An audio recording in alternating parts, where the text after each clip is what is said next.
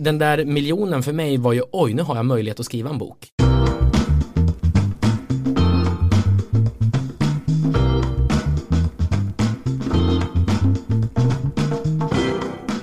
Han sparade ihop till sin första miljon för att ha råd att skriva en bok. Men innan dess hade han slagit igenom som svensk minnesmästare. Mattias Ribbing berättar också om sin tid som supersäljare och om sina planer på en musikkarriär. Jag heter Joel Dahlberg och du lyssnar på podden Min första miljon. Först några ord från poddens sponsor. Välkommen hit Mattias Ribbing. Ja, tack så mycket, vad roligt att vara här. Ja, visst är det. Eh, du är ju känd som minnesmästare som vi har hört. Eh, vi ska prata mer om det senare. Men när du var 27 ungefär eh, så bestämde du dig för att du skulle lära dig sälja. Varför blev det så?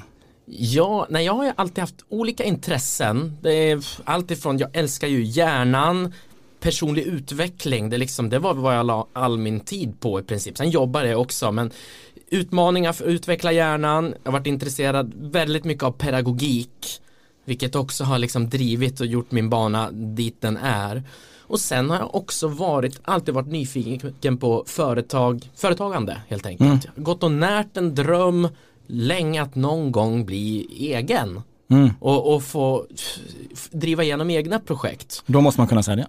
Det måste man kunna. Och, och det, det förstod du? Ja, och grejen är så här då att det visste jag och jag har ju i det här, när jag upptäckte det här med hjärnträning, minnesträning så var det att helt plötsligt så alla mina olika intressen fanns inom samma områden. Allt jag brann för, alla möjligheter som jag gick och var nyfiken på. Mm. Och där allt det här ingick med hur hjärnan funkar, lärande, hur man kan träna upp den, hur man kan se mätbara resultat och hur man kan göra en business av den. Mm. För det är ju någonting som, ska man göra något så här ordentligt, skriva en massa böcker, det är väldigt dyrt att göra, mm. det kräver massa tid och det är ingen som kommer att betala Oavlönat, oavlönat tid. Ja, ja, ja, ja, precis. Så det, och jag har ju en, entreprenörskap är tycker jag bland det finaste som finns. Sälj är bland det finaste som finns. Inga entreprenörer utan sälj? Nej, det är ju verkligen. Och det är inte konstigt att man måste kunna presentera sin tjänst, produkt eller vad man nu har att komma med. Mm. Och det här då såg jag framför mig, vilken häftig helhet. Och tack vare att jag har kunnat gjort en business av det här så har jag haft den tiden att kunna lägga på bokskrivande, research, vidareutveckling, utbildning och sådana mm. saker i en, mm. en mix som passar mig, som jag skräddarsytt åt mig själv. Mm. Vet du vad, jag ska faktiskt flytta på lite grejer här för du, du rör dig ju mycket med armarna och du är väldigt expressiv så att jag flyttar lite runt här. Jag flyttar kan... på saker så du kan röra dig lite friare. Ja, jag kan inte låta bli att vifta här, jag är van att prata med ja, hela kroppen. Nu har jag flyttat den här grejen så att nu, nu kan du röra dig lite mer. Härligt. Ja, om det låter lite grann då för våra lyssnare så, så, är, så är det Mattias som har slagit till någonting. Eh, ja, eh, men du, när vi pratade vid tidigare så sa du att du, du, från början var ju lite, du ville inte sälja, du tyckte det var obehagligt. Och då tycker man ju liksom, det normala är, ja men då låter jag bli det. Men du tänkte tvärtom, ja men då, då, då gör jag det. Ja, eftersom jag är så intresserad av utmaningar, att utmana mig själv, göra saker som, alltså nästan sådär patologiskt gå mot det som känns extra jobbigt och svårt så såg jag det att sälj var något så här, jag har en eh, eh, alltså haft gamla eh, åsikter som liksom det sälja varit något fult ja, ja. och, och sådana här saker. Man prackar på någon någonting. Ja, typ. ja, jag har trott det där mm. och liksom haft det med. Men i och med allt jag har läst och sett och liksom och sagt det här måste, jag har också en viss talang för insåg jag, men jag var rädd. Mm. Jag var helt ovan, rädd. Mm. Och jag är lite av en late bloomer. Jag har, nu, jag har jobbat i tio års tid, skrivit fyra böcker och allt det här. Men jag kom igång. Jag började ju träna upp det här med mitt minne och så när jag var 28. Och du, du är 40 nu typ? Ja nästan, ja, eh, snart. precis, jajamensan. Mm. Så det är någonting som, jag är som vem som helst. Jag har liksom ingen särskild hjärna, inte född med några särskilda förmågor eller någonting. Det är bara ren träning eh, och återigen utveckling. Men jag, redan innan det här så visste jag att jag måste lära mig sälj för att kunna genomdriva några projekt mm. överhuvudtaget. Och så jag gjorde en sån, så jag jobbar ju som lärare, jobbar med vuxenutbildning och älskar lärande mm. på så vis. Men jag gjorde också någonting, kanske lite ovanligt, att för att ta tag i den här tjurens horn, så hur kan man lära sig sälj? Jo, jag gick raka vägen till ett telemarketingbolag Mm. Kanske det liksom mest eh, läskiga man kunde tänka sig men som, ja, men som sålde försäkringar och ändå schyssta grejer. Det var ja. liksom som jag eh, kunde och lovade mig själv. Jag ska jobba här på deltid. Max eh, minst ett år, max två år. Mm. Och nu är det bara in och lära, alltså det är inget, jag har inget eh, fel med mig, jag borde kunna lära mig det här. Jag men hade du ont i magen då för att du tyckte att det var lite sådär? Ja, det var svårt, men jag såg ju liksom, det fanns ju tonåringar som var fantastiska och satt och sålde enkla produkter. Upp till äldre som gjorde mer eh, kom, med komplicerade sälj. Och de sa ju till mig direkt liksom, ja men du kan komma på de här, liksom sitta med de här mm. vuxna, men jag, så, jag vill lära mig från grunden. Ja och drog igång. Och mycket efter sex månader så var jag bästa deltidssäljaren mm. där. Och mycket, jag har lärt mig från de yngre, vissa kunde det här och var fantastiska. Men då, de sa ju till mig där att du vänta, du är lite äldre, du kan skapa fin stämning. Mm. du ska inte hålla på och sälja eh, själv, du måste ha en egen grupp okay. såklart, coacha, eh, lära upp och så. Så att jag gjorde det, utbildade en egen grupp eh, på mitt sätt. Men det gick bra uppenbarligen eftersom du fick en egen grupp? Ja, det gick bra. Och, eh, men det var ingen rocket science det här. Men vad de såg var också att eh, min grupp sålde mycket bättre än alla andras grupper mm -hmm. som var nyutbildade mm -hmm. säljare. Jag jobbade ju mycket, det var liksom mycket yngre folk och blandat. Okay. Men så då sa de, nej men det här håller inte, du måste utbilda alla säljgrupper mm. eh, så att de direkt kommer upp till den här eh, nivån. Så jag började göra det och liksom såg mig själv att vänta nu, nu står jag och utbildar inom det som jag tidigare har i och med uppväxt allting varit som mest rädd för. Mm. Mm. Och då, det är liksom Var det, var det lite skämmigt eller vad var, vad var grejen med Nej, men Jag var där med ett uppdrag. Och det mm. var för att liksom lära om min hjärna. Det här finns inget att vara rädd för. Mm. Det är liksom, jag kan stå okay. för eh, de här sakerna och jag vill finslipa det här inom mig själv. Mm. Och då skickade de mig också dessutom på en massa säljkurser och sådana här saker så jag fick liksom mm. ut, eh, förkovra mig själv. Men, men då var grejerna, då såg att helt plötsligt så sålde ju alla nyutbildade säljare på Stockholmskontoret mycket bättre än säljarna på Uppsala-kontoret. Mm. Och det var ditt gäng? Eh, ja, det var ju alla helt enkelt. Mm. Jag, jag, fick inte sälja längre utan det var bara utbilda. eh, jag hamnar alltid där, vad jag än gör hamnar jag i utbildnings... Eh, Pedagogik? Ja, precis. Så då fick jag ju åka fram och tillbaka och utbilda alla på Uppsala-kontoret och, och, och, och, och sådär. Men sen under den här tiden så upptäckte jag den här formen av hjärnträning, alltså hur man minnesträning. Hur man kan ta in ny information i hjärnan och lagra den. Mm. Det är liksom vad jag har tränat upp. Mm. Eh, och det märkte av. du där som på? Nej, jag satt hemma vid sidan av. Ah, det var okay. under tiden det här. Och då började jag se det här, vänta nu kan jag slå ihop alla de här olika drömmarna, intressena och göra någonting riktigt som folk får nytta av. Men var det någon slags aha-upplevelse i det här eller var det en successiv kunskap? Nej, det var en liten aha-upplevelse. Är det det här som jag har gått och förberett mig för? Ja, vad kul, spännande. Det och det här, vad var det? Då? Nej men att kunna, jag såg ju där att jag, man kan träna upp sin hjärna och få kontroll över lärandet. Okay. Så att jag liksom jag kan liksom skriva ner i min hjärna vad jag behöver kunna. När man sitter och pratar, när man sitter och lyssnar på en föreläsning, läser en bok, antecknar det och det var ju det som gjorde också att jag sen, för då jag snubblade över att man också kunde tävla i det här, det visste jag inte om. Nej, nej. Minnestävlingen och så då den som var bäst i Sverige då började jämföra hur funkar det här, vad finns det för resultat? Mm. Då sa kanske att jag kan göra det här också om jag lägger mm. manken till. Mm. Jag ska prata mer om det sen. Ja. Eh, men du, du gillar ju det tydligen, tävlandet. Ja, precis. Men då under den här tiden då, så säljutbildning och sen gick det här Eh, väldigt bra, jag lanserade och parallellt med att jag jobbade eh, deltid, jag jobbade också med andra utbildningsföretag samtidigt. Mm. Eh, men jag lanserade en onlineutbildning i hur man kan då träna upp sin hjärna. Mm -hmm. Och den är Mind Academy, den har varit igång då sedan maj 2009.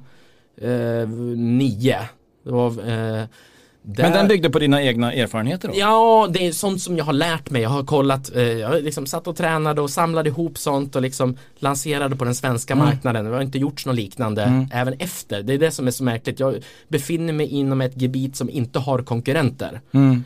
Så att jag har inte liksom, eh, det, det, är ganska mm. märkligt att en sån, eh, mm. den här praktiska applikationen har inte utforskats tillräckligt mycket. Men mm. det är vad jag har gjort mm. i mina böcker. Titta mm. på ny forskning och allting det här. Mm. Men i alla fall då så sa jag, nu, nu här har jag min stora chans. Jag var iväg på min första minnestävling, tog mitt första svenska rekord. Alltså hur långt ifrån det att du började med minnesträningen till att du var liksom tävlade i det? Eh, sex månaders träning ställde jag upp på min första tävling. Och då tog jag ett, eh, man tävlar i tio kamp, så tio mm. olika grenar. Då tog jag ett rekord men efter nio månaders träning eller tio eh, så blev jag svensk mästare för första gången. Är det exceptionellt eller brukar det vara så? Nej, det beror ju helt på. Alltså, det var, jag lyckades helt enkelt. Mm. Det där. Och då, Men du har ju träffat andra minnesmästare, har de Oh, ja. hållit på i nio månader? Eller? Nej, det är många som är bättre än mig. Alltså, jag vann SM tre år i rad, blivit internationell stormästare som en ti- officiell titel man kan få, varit runt om med svenska minneslandslaget på Mm. det där. Men sen kom det in, jag hade vunnit SM tre år, fjärde året, då kom det en eh, 17-åring och en 21-åring som gav mig storstryk. och de hade tränat sig, alltså samma då, då hade jag hållit på och tävlat i ganska många år då, Mm. men samma resultat som jag hade typ tränat mig till på tre år hade de tränat sig till på tre månader på sommarlovet. Så det var ju liksom eh, slakt. Men det här blev ju en häftig eh, tillskott till svenska minnesanslaget. Det var som Ja. att vi helt plötsligt fick två Zlatans i svenska minnesanslaget och ett par månader efter den där bronsmedaljen i svenska minnesmästerskapen för mig då. Då åkte vi iväg, Och ni är minneslandslaget. fyra, fyra stycken? Ja, precis. På VM som var i London det året. Ja. SVT filmade faktiskt hela den tävlingssäsongen. Det blev Ja. en, en rolig dokumentär som har gått på både TV4 och SVT faktiskt. Men där, det blev som att få två Zlatan i, i laget samtidigt. Och vi körde VM, det är alltså en, i minnestävling som går över tre dagar. Man sitter med de den tuffaste minnestävlingen under året. Man sitter och lär sig siffror, bilder, ljud, äh, ord, allt möjligt ska in. Tre Har man tid att äta då? Vi gav järnet och vi slog Tyskland, vi slog Kina, vi slog England, USA, Indien och tog Sverige till en silvermedalj i Mm. lag-VM där. Mm. Har man tid att äta vill jag fråga dig. Ja, det är emellanåt. Men sen är det långa dagar, det ska på av det här superfokuset. Är det någon speciell behöver. kost man ägnar sig åt? Ja, jag är ju verkligen inne på det. Eh, det, det är, man är som en tävlingsmänniska. Det gäller att maxa sömn, uppladdning, formtopp och där kommer det ju in kondition, träning, kost, allting måste vara på topp. Mm. Och när det gäller en sån känslig sak som fokus, alltså, du vet ju själv vad som händer om man hivar i sig en, en tallrik pasta på lunchen, vad som händer Som med jag fokus. åt en spaghetti carbonara, det, var, det är inget bra alltså. Ja, då får man köra uppförsbacke och det där Men jag kan somna inte. här när som helst. Precis, så det där, men bara vad som hände där var att vi tog en silvermedalj i minnes-VM det året, i lag-VM. Sen det var också min sista tävlingssäsong, då hade jag tävlat i fyra Mm. år intensivt, hade nått alla de titlar jag ville och ville fokusera på utbildning och skriva böcker. Men så året efter jag slutade, då tog svenska minneslandslaget guld i minnes-VM. Mm. Så det var ju liksom Utan min, dig? Aj, ja, aj, exakt, Aj, så det, det var min kändes det? insats. Ja, men jättekul och det visar också att det här är ingen, det här kan folk träna upp. Men mitt fokus har ju varit på hur kan man använda det här i vardagen. En Mm. sak är att tävla i det, men hur kan man använda det i vardagen? Och liksom utforska hjärnan i hur man kan återigen hacka sig in och liksom ska, återigen, det ta kontroll över sitt lärande. Lära sig skriva direkt i hjärnan, det är nästan som en superkraft. Men det är upptränat. Alla som känner mig från innan jag var 28 vet att jag är som vem som helst. Inga märkvärdiga betyg från skolan, inga särskilda förmågor. Jag gillar att jobba med lärande dock och, och grupper och sådana här saker. Men under den här resans gång så att vill man använda sin hjärna på ett smart sätt så såg jag också det här med kosten som en väldigt viktig grej. Jag ville ju hacka, hur kunde jag, jag presterade för dåligt på eftermiddagarna i de här tävlingsdagarna. Okej. Så att då experimenterade jag massa saker och det, det är ju mätbart hela tiden med Mm. sport. Det är det som är så häftigt. Men jag testade, vad händer om jag tar bort socker? Det var en sån Mm. sak jag började med. Och det var en jättelyft för mig. Okej. För vad som händer med fokuset, alltså jag blev ju för det första blev jag väldigt trött när jag slutade med fokus, Mm. eller med socker. Mm. Men konstigt nog så presterade jag bättre resultat när jag var trött än när jag hinkade i mig Red Bull och liksom okej. sockergrejer. För då blir liksom fokuset blir så här stissigt. Även om man är så här okej, okej. yeah, ja. pigg och peppad så presterar man sämre. Det är bättre att vara lite mer avslappnad. Och det här Mm. liksom fick mig utforska och jag testade, då upptäckte jag lågkolhydratkost. Och det här var typ 2010 och jag la upp det strikt så inför minnestävlingar körde jag strikt lågkolhydratkost tre veckor innan. Och, Och vad eh, pratar vi om då? Vad, vad är en Ja men typisk då låg? var det LCHF som var liksom det Men stora vad, vad, hur ser tallriken ut? Ja men då, gott kött, liksom gärna lokalproducerat och liksom fin kvalitet, goda sallader, feta såser. Okej. Eh, riktigt jäkla god mat. På frukost, tävlingsdagar så var det liksom ägg och bacon, inga Okej. problem. Nej. Men för, man såg ju alla de här som försöker formtoppa under, så här, proppa i sig chokladkakan Mm. vid rätt tillfälle. De vet att man inte kan käka pasta så kanske de käkar en lätt sallad men då blir man hungrig framåt eftermiddagen. Det är inte heller Mm. bra för fokus. Men här hittade liksom jag in i det här Duracell-kanin-mode. Att jag gick, hade satt kroppen i fettdrift och hjärnan i fettdrift. Oj, oj, oj. Då händer det saker. Ja, så jag blev ju också en slagträ i den här eh, hälsodebatten Jaha, som var då om LCHF. Man måste äta socker för att ge- kunna Mhm. koncentrera Mm. sig. Alla svenska rekord som jag hade då i minne var tagna helt utan socker. Eh, så Det, det är bra tips. Ja, Det- nej det är inte sant. Men det här blev ju också till att jag utforskade, det här påverkar så mycket. För det jag skriver om i mina böcker är ju oftast det här med att hitta de smarta strategierna och hjärnans mjukvara, att lära sig mycket snabbt. Men hårdvaran är också himla spännande. Hur, vilka, om man optimerar näringsintaget, jag tittar ju alltid evolutionärt, det är det som är så spännande både med hjärnan och med kroppen och baserat, vad är vi liksom gjorda för? Hur, vilket klimat, eh, informationsklimat är vi gjorda för? Mm. Och kroppen. Så att det här blev också att jag riktade mig utomlands och tittade upp, min, min fru har ju doktorerat i medicin och är superintresserad av nutrition, alla de här, det senaste som händer inom Mm. forskning och vi experimenterar mycket själva hemma och sådär. Och tog, upptäckte liksom Vem är det som bestämmer vad ni ska äta? Är det du eller Ja, din det är min fru Kristin, hon älskar ju att laga mat. Okej. Eh, och hon är ju mer nördig på kost än jag och jag är rätt Okej. nördig. Men det är bara alltså en parentes där också. Det handlar inte heller om dieter som jag ser det. För dieter kommer alltid misslyckas. Någonting liksom onaturligt som du för in tillfälligt. Men snarare, vad, vad kan man, hur vill man ha sin livsstil? Mm. Vad kan man ta in i livsstilen som är liksom bärigt på lång eh, sikt? Men så det här, vi hittar ju massa liksom, senaste kunskaper, nya grejer som visar att det här är jättebra för hjärnan. Och gå på en mer sån här evolutionär Mm. intag av kost och hur man kan hacka det här ytterligare. Men har du fortsatt med det nu när du inte tävlar längre? Ja, ja, ja, ja, verkligen. Det har blivit en del av livsstilen, så Okej. det är inget konstigt Mm. liksom. Och det här är ju många år nu, nu har man Mm. fin, nu är det liksom Mm. inte riktigt sådär LCO, nu har man liksom gått vidare och, och, men grunden är den som vi är evolutionärt skapta för att ta in. Liksom vitt socker, eh, det är liksom något främmande och nytt och det är liksom många välfärdssjukdomar har Mm. med de här grejerna att göra. Men i alla fall, vi jag upptäckte till exempel sådana här eh, nya hippa grejer i USA. Bulletproof coffee var en sån här superhipp grej för fem år sedan kanske. Eh, alla i Silicon Valley skulle ha det här och det var ett kafferecept där man blandade sin, eh, sitt nybryggda kaffe mixade man med en klick osaltat smör Mhm. och MCT-olja. Okej, Vilket är de finaste fettsyrorna från kokosolja. okej. Som inte lagras i kroppen utan görs om direkt till energi för hjärnan. Oj, oj. Medellånga fettsyror, de tas upp Okej. på ett mycket snabbare Mm. sätt. Så det är liksom som fettets kolhydrater. Men det ger inte de här blodsockerfallen upp och, eller upp och ner. Smakar det gott då? Eh, det är som, som en krämig latte. Det är, liksom, Okej. det är varken smörigt eller olja, det låter märkligt. Men det här är också, då, det, är massa, det här är liksom det är riktigt superhackat. För då, då frisätts vi ett koffeinet tillsammans med fett, en långsammare frisättning. Okej. Då får man inte den här snabba piken och kraschen Okej, och ny kopp och, Okej, och så vidare. Men vi insåg ju det här, jag och min fru, att det här kunskapen vill vi ju också ta till Sverige. Det här fanns ju inga andra som kunde de här grejerna. Så att vi, jag blev god vän också med Paleo Institutes grundare Jonas Bergqvist som har i alla år utbildat eh, eh, kostrådgivare och personliga tränare och sådär och Mm. se att hur kan vi då hjälpa folk att både de senaste kunskapen för mjukvaran, hjärnan och hårdvaran. Okej.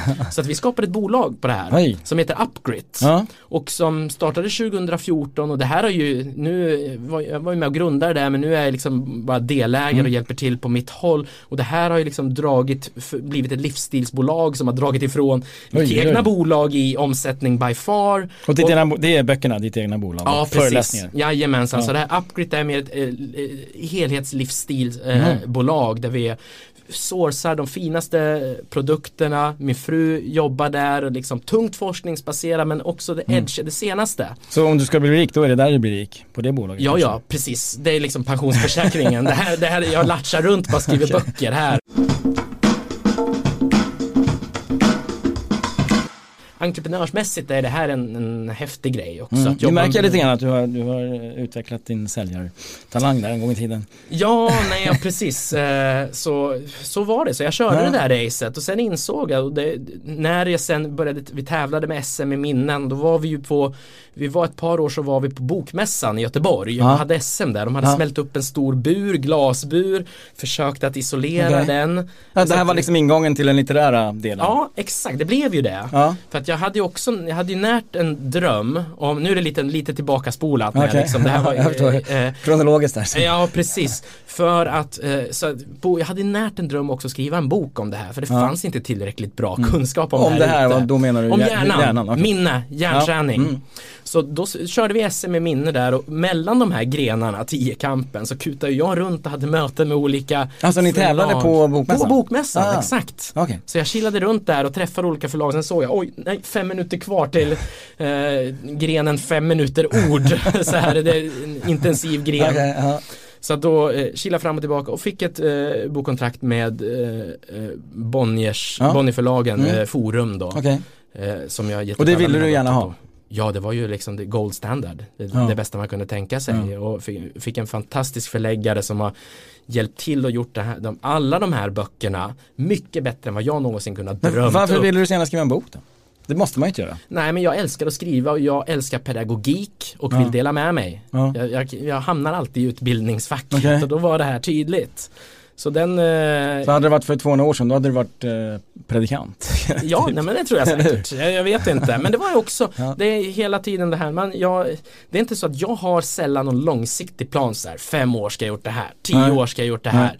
Utan haft väldigt stark intuitivt att det här projektet vet jag att jag måste göra. Mm. Och så vet jag bara det. Vad som är rätt. Jag, ta, jag vet att jag tackar ja till rätt projekt och tackar nej eh, till, till rätt saker. Mm. Vi ska prata mer om det Beckham, det var en fråga bara som dök upp i mitt huvud. Mm.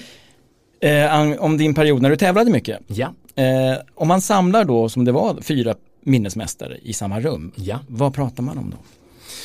Ja, alltså vad man upptäcker på de här minnestävlingarna. Visst, det finns väldigt roliga karaktärer. Jag inkluderar mig själv eh, och speciella människor.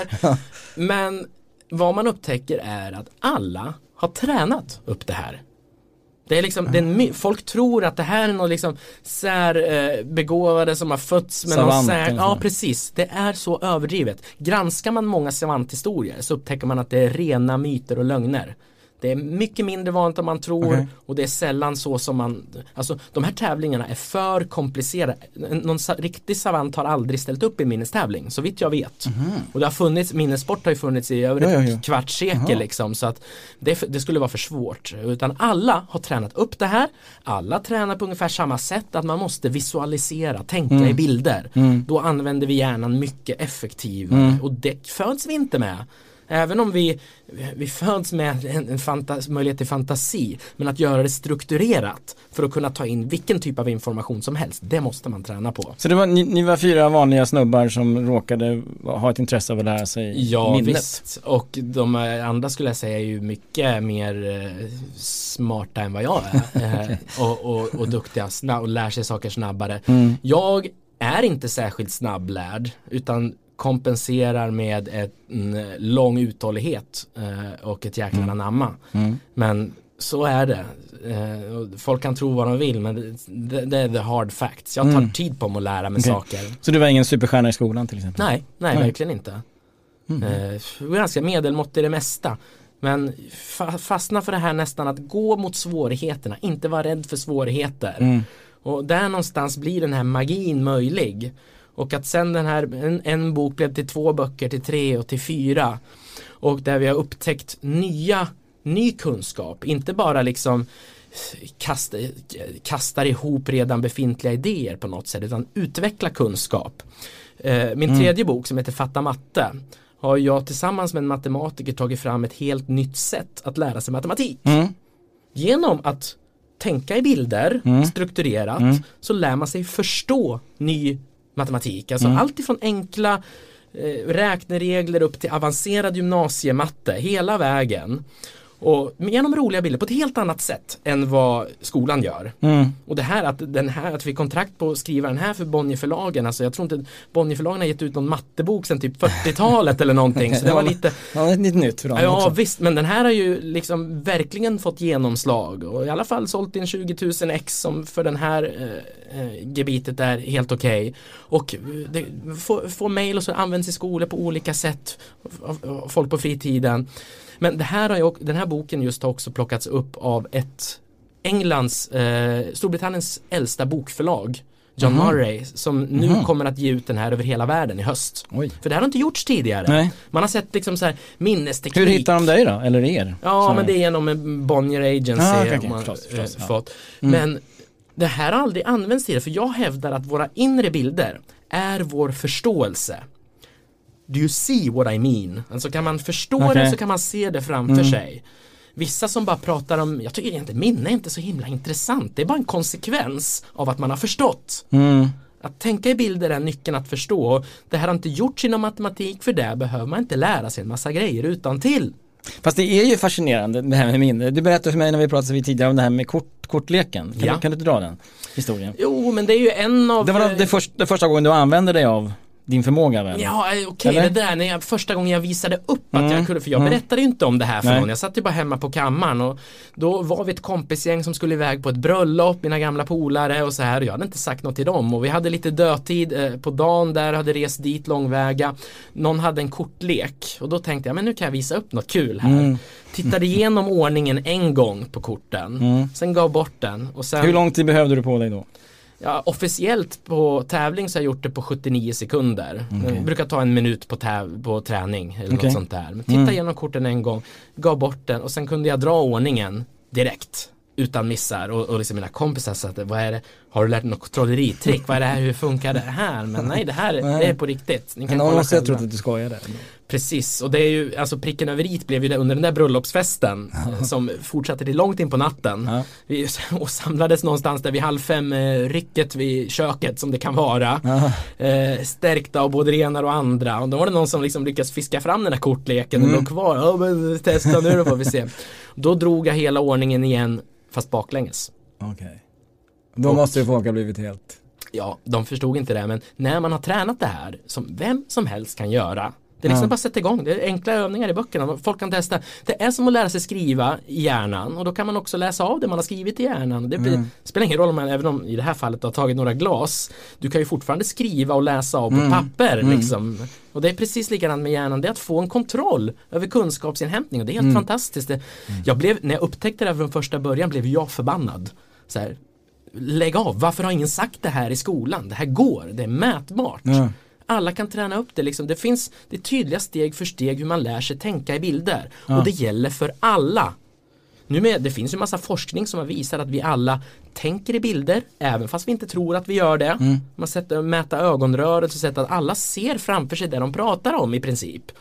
Så att det här gamla eh, nycker med det här med lärstilar, det finns inte, det fungerar inte. Mm. Utan vi är mer lika varandra än vad vi kan tro. Mm. Även om vi har, så här, vi har olika tyck och smak och olika erfarenheter men vår hjärna funkar på ett visst sätt.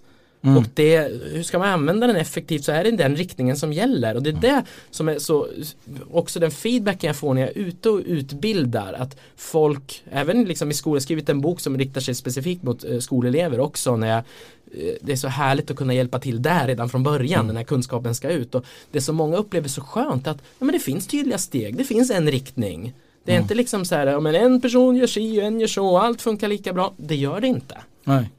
Nej. Men eh, nu är vi inne på det där med skola. Eh, du har ju egna barn. Hur, tänker du när det gäller deras skolgång? Ja, grejen under all den här bokskrivande och allting, liksom jag har utbildat, jobbat med allt från ledningsgrupper, hur man använder hjärnan effektivare, öka fokus, in, ex, blir expert på nya områden, ner till skolungdomar och även äldre. Mm. Så har jag också alltid fått frågan liksom, men hur gör jag med mina mindre barn då? Mm. Hur ska jag ge dem de bästa förutsättningarna för lärande och så? Och det, vi har ju vi har barn hemma, vi har experimenterat väldigt mycket hemma. Mhm. Eh, vilket jag ska vara försiktig med att säga har jag Okej, upptäckt. okej. När den här senaste boken kom, Smart Mm. föräldraskap, stärk ditt barns lärande, fokus och kreativitet. Södra Dalarnas tidning eh, hade som rubrik eh, eh, en citat av mig då. Mina barn har varit försökskaniner. Så oj, jag kanske sa det. Men det här som vi experimenterar med hemma, det är ju lek. Det är lek. Mm. Tänka i bilder. Okej. Och barn är fantastiskt duktiga på det. Mm. Alla barn är experter på lärande innan de börjar skolan. Mm. Men ska de gå i vanliga, vanliga kommunala skolan eller hur, hur tänker du? Eh, nej, Eller men, ni får jag säga, det är du Ja, ja, ja, precis. Nej, men det man behöver göra det är att hjälpa barnen, eller alltså vissa fattar, det är det som är så häftigt. När man börjar förstå hur hjärnan funkar så ser man att ibland använder man de här teknikerna utan att vara med, att man, man har inte varit medveten om det. Att Jag har ju faktiskt tänkt i bilder i det här eh, området som jag har blivit riktigt duktig på. Vissa skolelever liksom lyckas knäcka den här koden. Att det handlar om att föreställa sig, se framför sig. För Det är det som är chocken när många börjar skolan. Att det här levande lärandet som finns i leken. Där liksom hjärnan bara suger och barn suger åt sig ny kunskap. Den plattas till till liksom svarta krumelurer på vit bakgrund. Vad har det med någonting att göra? Ja visst och så här men då måste man se att det här är bara ett, man måste tillbaka till det här fantasin och översätta det till fantasin och fortsätta liksom, så att den inre världen kan växa och den, den sker ju i vår fantasi. Och det här kan man ju också som det jag skriver om och träna vuxna i, så det är ju hur man använder det här lite mer strukturerat. Så man då medvetet, hur, om jag har en eh, ekonomirapport framför mig som jag ska eh, snabbt ta in, hur gör jag det på effektivaste sättet? Liksom. Så att vi, vi vuxna kan ofta göra det här felet att tro med våra fullt utvecklade hjärnor. De utvecklas ju fullt i princip i 25-årsåldern. Och vi vuxna vi har liksom strikta tidsscheman för att klara livspusslet, allt det här. Så, och vi, vi, ibland tror vi att våra barn behöver samma sak. Ett strikt tidsschema, de ska aktiveras, de ska sysselsättas. Men det är precis tvärtom om man tittar på hjärnan. Okej. De behöver lek, utveckling. Så att jag, jag hoppas också att, att, att kunna få ge föräldrar den här eh, ja, men lite lättnaden. Jag behöver inte göra allting. Att ha tråkigt, det är liksom grunden för varje ny idé kommer att man har haft en liten stunds tristess. Mm. Först då kan hjärnan börja skapa nya kopplingar, hitta egna grejer. Om man hela Bra, tiden det är ska- bra att ha tråkigt ibland. Ja! Och det gäller också, också vu- vuxna, även om vi har möjlighet att liksom döda all tristess. Eh, så det är, jag, jag hoppas att Men det är svårt med smartphones. Det är Ja. svårt att ha tråkigt. Precis, när det gäller att, att teknikdesigna sitt liv och sina barn, hjälpa sina barn Mm. att lära sig det. Att var sak på sin plats Mm. helt enkelt i, i livet. Vi kör någonting som heter Tre snabba i det här Yes. programmet. Eh, då tar vi dem nu. Ja, Då ska du bara välja ett av två alternativ. ja, Böcker eller filmer? böcker. Jobb eller ledighet? Eh, precis inte något av dem utan båda tillsammans. Okej. Ett liv, Mm. inte två, inget dubbelliv. Vilken- det är härligt. Matematik eller språk? Språk, alla gånger. Fastän du är känd som siffer. Ja det tror Rabblare. folk. Jag är humanist, språk, jag har jättesvårt med matten och därför är jag tvungen att skriva en bok och ta, ta till en matematiker. Och, Mm. Men eh, vi ska gå vidare. Det, det här programmet heter ju, eh, den här podden heter ju eh, Min första miljon. ja precis. Eh, har, det varit någon sån i din, din verksamhet? Ja visst, sen är man ju som företagare, lever man i företag och investerar Mm. och pengar eh, måste rulla, komma och gå och det är en väldigt viktig sak. Så, Men var det så att du hade koll när pengarna, och shit nu har jag en miljon här? Eller vad, vad eh, fanns det någon annan? Ja, och det så, den där miljonen för mig var ju oj nu har jag möjlighet att skriva en bok. Nu kan jag ge mig hän till det här. Okej, du Så hade det pengar så du klarade det? Ja, ja, ja, absolut, precis. Och det kanske inte säljer så bra, det vet man inte, men nu väljer jag kunna göra det här fullt Ja. ut. Så för mig har alltid pengar varit eh, medel för tid först och främst. Och sen också kunna genomföra de här viktiga projekten. Och, och, Mm. Hur mycket och behövde du då för att skriva en bok?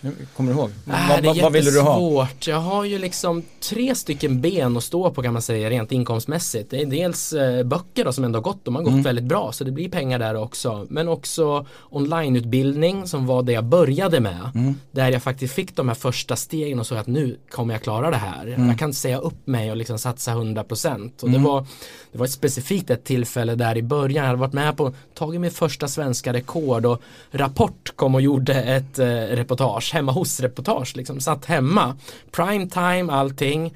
Och vad jag inte fattade var att jag fick berätta om min onlinekurs där, var ganska tidigt ut ändå. Eh, och så filmade de, panorerade över hemsidan till onlinekursen. Så här, jag satt där när jag såg det här inslaget, jag trodde inte mina ögon. Det här var ju En bra reklam. SVT och allting. Nej, så då dundrade det till, då sa Okej. nu, nu, liksom, nu chans, ta den här chansen. Okej, Eh, så då körde du hårt? Ja, precis. Och, Mm. Men sen också eh, mycket föreläsningar, workshops, Mm. att jobba konkret med liksom att hur vi ska hantera all ny information som vi Mm. översköljs med. Men de, de här benen har liksom varit det som har Mm. skapat det här och sen eh, mynnat ut i annat också. Men fokus har för mig alltid varit det här, ja men det här nitiska, att när jag fått den här kreativa tanken, den här boken, Mm. det här området, det här ska, då måste jag bara se till så att alla medel finns på plats, så att det går att ägna den här tiden, jag kan slappna av, behöver inte tänka eh, på de bitarna, det fixar sig för att kunna göra det. Men det är lättare att skriva böcker om man är rik så att säga. Vill du bli rik? Betyder det att du vill det? Ja, nej men det betyder mycket. Eh, absolut. Och jag tycker det är så himla viktigt, ens relation till pengar. Och vad pengar är energi. Och de kan vi använda till viktiga saker. Det här fantastiska. Hur menar du att pengar är energi? Pengar är energi som får en att eh, kunna leva, göra det man vill. Det är liksom en, eh, det är energi som behövs. Man kan använda den till, man får inflytande, man kan genomföra olika projekt som man inte kan göra annars. Det är ju e- extremt viktigt. Utan pengar är vissa projekt helt omöjliga. Till exempel att sk- skriva Ja. en bok på det sättet jag skriver i alla fall. Men eh, just det här, det fina i att folk, att liksom värdesätta sin kunskap och den här transaktionen som sker som man åstadkommer som säljare som jag tycker som är så vacker. När man skapar mervärde du går därifrån efter den här transaktionen med ett mervärde i ditt liv. Jag har gjort det här frivilligt. Jag har inte lurat på dig någonting. Och jag går därifrån och vi har liksom skapat värde. Det är inget nollsummespel. Ekonomi är så himla intressant. Så eh, Men man kan ju tänka sig att alltså, du, du, du, du bestämde dig för att lära dig sälja. rik? Ja, det kan man väl Ja, säga. ja. Absolut. Men du Eh, bestämde dig för att lära dig sälja. Och du gjorde det i två år och sen så var du jätteduktig. Ja. Sen bestämde du dig för att du skulle eh, bli duktig på eller minnas saker. Ja. Du bestämde dig för det bara. Och så, fast du, du säger att du har ingen, liksom, Nej, nej, du är en vanlig, vanlig, vanlig, vanlig person. Ja. Det är träning. Eh, och du, det blev, du blev det, du har vunnit Mm. massa priser på det. Men kan, du- kan du inte bara bestämma dig för att bli rik? Det låter ju lättare än att, att eh, memorera 200 siffror på 10 Jo, minuter. precis. Alltså när jag tittar, på- det är väl inte, det är inte högst upp på priolistan. Alltså, bara en sån här grej nu, alltså jag blir nästan irriterad på mig själv. Fick den här eh, idén att börja skriva om föräldraskap. Vad tusan, hur hänger det samman med minne? Vissa, för mig är det självklart liksom att ge sina barn de bästa förutsättningarna för lärande. Och liksom hur man hanterar alla liksom i, i vardagen och kan så för mig var det helt naturligt. Alltså hade jag, hade jag haft högre prioritet att vara rik hade jag skrivit någon slags businessbok i det här och kanske det kommer. Men där har jag inte liksom bara känt den här yes, den här vibrationen att det här måste jag göra, punkt. Så att när jag får den här, en idé om det här måste jag genomföra Okej. så är ibland är det så här, nej, uff, det här blir alldeles för jobbigt men jag vet att det måste göras. Det är den här kreativ, Mm. det är nästan som att man ser det som att det redan har hänt. Oj, nu har den här boken kommit ut om två år. Och det beslutet är redan taget. Ja, men jag måste göra det här. Det är där jag är på väg. Det är där mitt intresse. Mm. Man nästan upptäcker sig själv där liksom. Att tiden inte riktigt existerar däremellan. Utan vid det där beslutet. Det är som att när man skriver på ett bokkontrakt. Mm. Då är ju boken, då vet jag att boken är klar. Det är bara att det, det, det är lite tid emellan. Men då är det liksom. Mm. Men du vet att det blir något? Ja, exakt. Du har bestämt dig så att säga. Ja, det är liksom mer än så. Att leva det som att det redan i princip finns en bok. Det finns massa smarta tekniker man kan använda på det där sättet. Men det är också den mm, det kreat- kreativa som eh, finns där. Men som du sa, frågan då, vad och det är också att, så att, så att pengar är energi. Grejen är att, att bara ha energi, att lagra energi. Jag vill ju göra saker Mm. med energi såklart och kunna göra eh, häftiga saker på alla möjliga eh, sätt. Så för mig är det ett medel, ett viktigt medel, ett fint medel Mm. som man ska liksom vara, eh, hantera med stil, klass. Mm. Men för första gången har, ja, jag, jag, har nästan inte berättat för några men jag kör det här i podden ändå. Jag brukar sällan ha långtgående planer. Utan det är liksom en bok i taget, en så här, det som, wow jag ser vad som blir rätt väldigt intuitivt. Mm. Men jag fyller 40 nu och har, fick den idén om att jag älskar det jag gör nu och tycker det är så spännande att ha massa häftiga projekt på gång och det dyker hela tiden upp roliga saker. Så det, det händer massa grejer. Så här vill jag gärna fortsätta i tio år till. Mhm. Då, eh, men då tänker jag pensionera mig och satsa helt och hållet på musiken. Vilket är, jag är musiker i grunden och jag har alltid hållit på väldigt mycket med musik Jaha. och också utbildat mig inom musik. Tänk, tanken var att Det här var ett nytt spår. Jajamensan, men så är det det här kreativa livet och eh, då har jag eh, det var också så här självklar grej. Jag skulle ju gå på musikhögskola och sådär back Mm. in the days Mm. eh, var tanken och så men nu har, fick mitt kreativa flöde en annan och jag har viktiga saker jag behöver göra under de här tio åren men man måste också inse att allting har ett slut. Mm. Och hur ska det här slutet se ut? Antingen kan man liksom bara köra på som man alltid gjort. Åh, åh, jag måste skriva en till bok, jag måste göra det här. Efter ett tag så liksom när har, har, gör jag det av en riktigt viktig Mm. anledning och när gör jag det bara av att "Ah, det är det enda jag har, det är det enda jag kan. Så Mm. att jag fortfarande att våga att hålla sig eh, att titta på det här med nyktra ögon också. Mm. Men så att jag ser framför mig där. Men ska, ska du spela, spela instrument? Ska du skriva musik? Ja, ja, är ja det både liksom? och. Sånt gör jag redan också. Jag spelar Mm. mycket ute. Vi spelar på Fasching här i Stockholm i alla fall en gång om året med ett eh, soulband och gör många olika grejer. Vilket instrument spelar du? I det bandet spelar jag trombon. Mhm. Så jag spelar jag lite multi, spelar olika blåsinstrument, Mm. trombon, trumpet, lite sax och eh, gitarr också. Så- Vilken grej. Ja. Så det händer om tio år. Jajamensan, men eh, det är det då. Man kan inte göra allt samtidigt. Allt kräver tid. Mm. Och då för att kunna eh, Men du, sjunger du kanske? Ja men lite grann. Då kommer eh, du mest- ihåg texterna? Det är inga problem. Och lära mig nya låtar och setlist när vi ska spela. Ja, det, går- det går det går snabbt. Jag förstår. Du, vi, ska, vi, vi, vi är klara faktiskt nästan. Men jag vill bara eh, innan eh, du lämnar här be dig om någonting som vi ber alla våra gäster om. Mm. Nämligen tre tips till den som har en idé men inte riktigt vet hur man ska få igång det med, med ett företag till exempel. Ja, det är att du måste inse dina styrkor och slipa på dem. Tvätta bort liksom det, se var finns de här, var är mina styrkor, var har jag chansen? Och använda dem fullt ut. Fullt ut. Sen kan man inte göra allt, man måste steka vissa saker. Mm. Jag såg att jag hade någonstans talang för säljet också, men det är inte alla som har det. Mm. Men, eh, men dina styrkor, använd dem fullt ut, Mm. nummer ett. Mm. Eh, utforska det och bli medveten om dem. Mm. Två. Två, omge dig med rätt personer. Det- Man kan inte göra allt själv. Jag är, jag är lite av en ensamvarg på många plan. Liksom. Jag har haft anställda tidigare men inte riktigt gillar det. Vill ha full fri bokskrivande Mm. och sådana saker. Men annars, det är väldigt, det går inte att göra eh, företagsbyggande själv när man har det Mm. i fokus. Mm. Så att omge sig med rätt, Rätt personer, jajamensan. Och tredje skulle, jag skulle vara, det är just det här att släppa taget om andra saker som inte är så viktiga. Att veta din egen prioritering och inte vara så rädd för eh, saker. Alltså man ska, ska den där idén du har gått med Ska det vara den du ligger och funderar på liksom efter 10 år, efter 20 år och så blev det ingenting, det är Mm. bara en idé.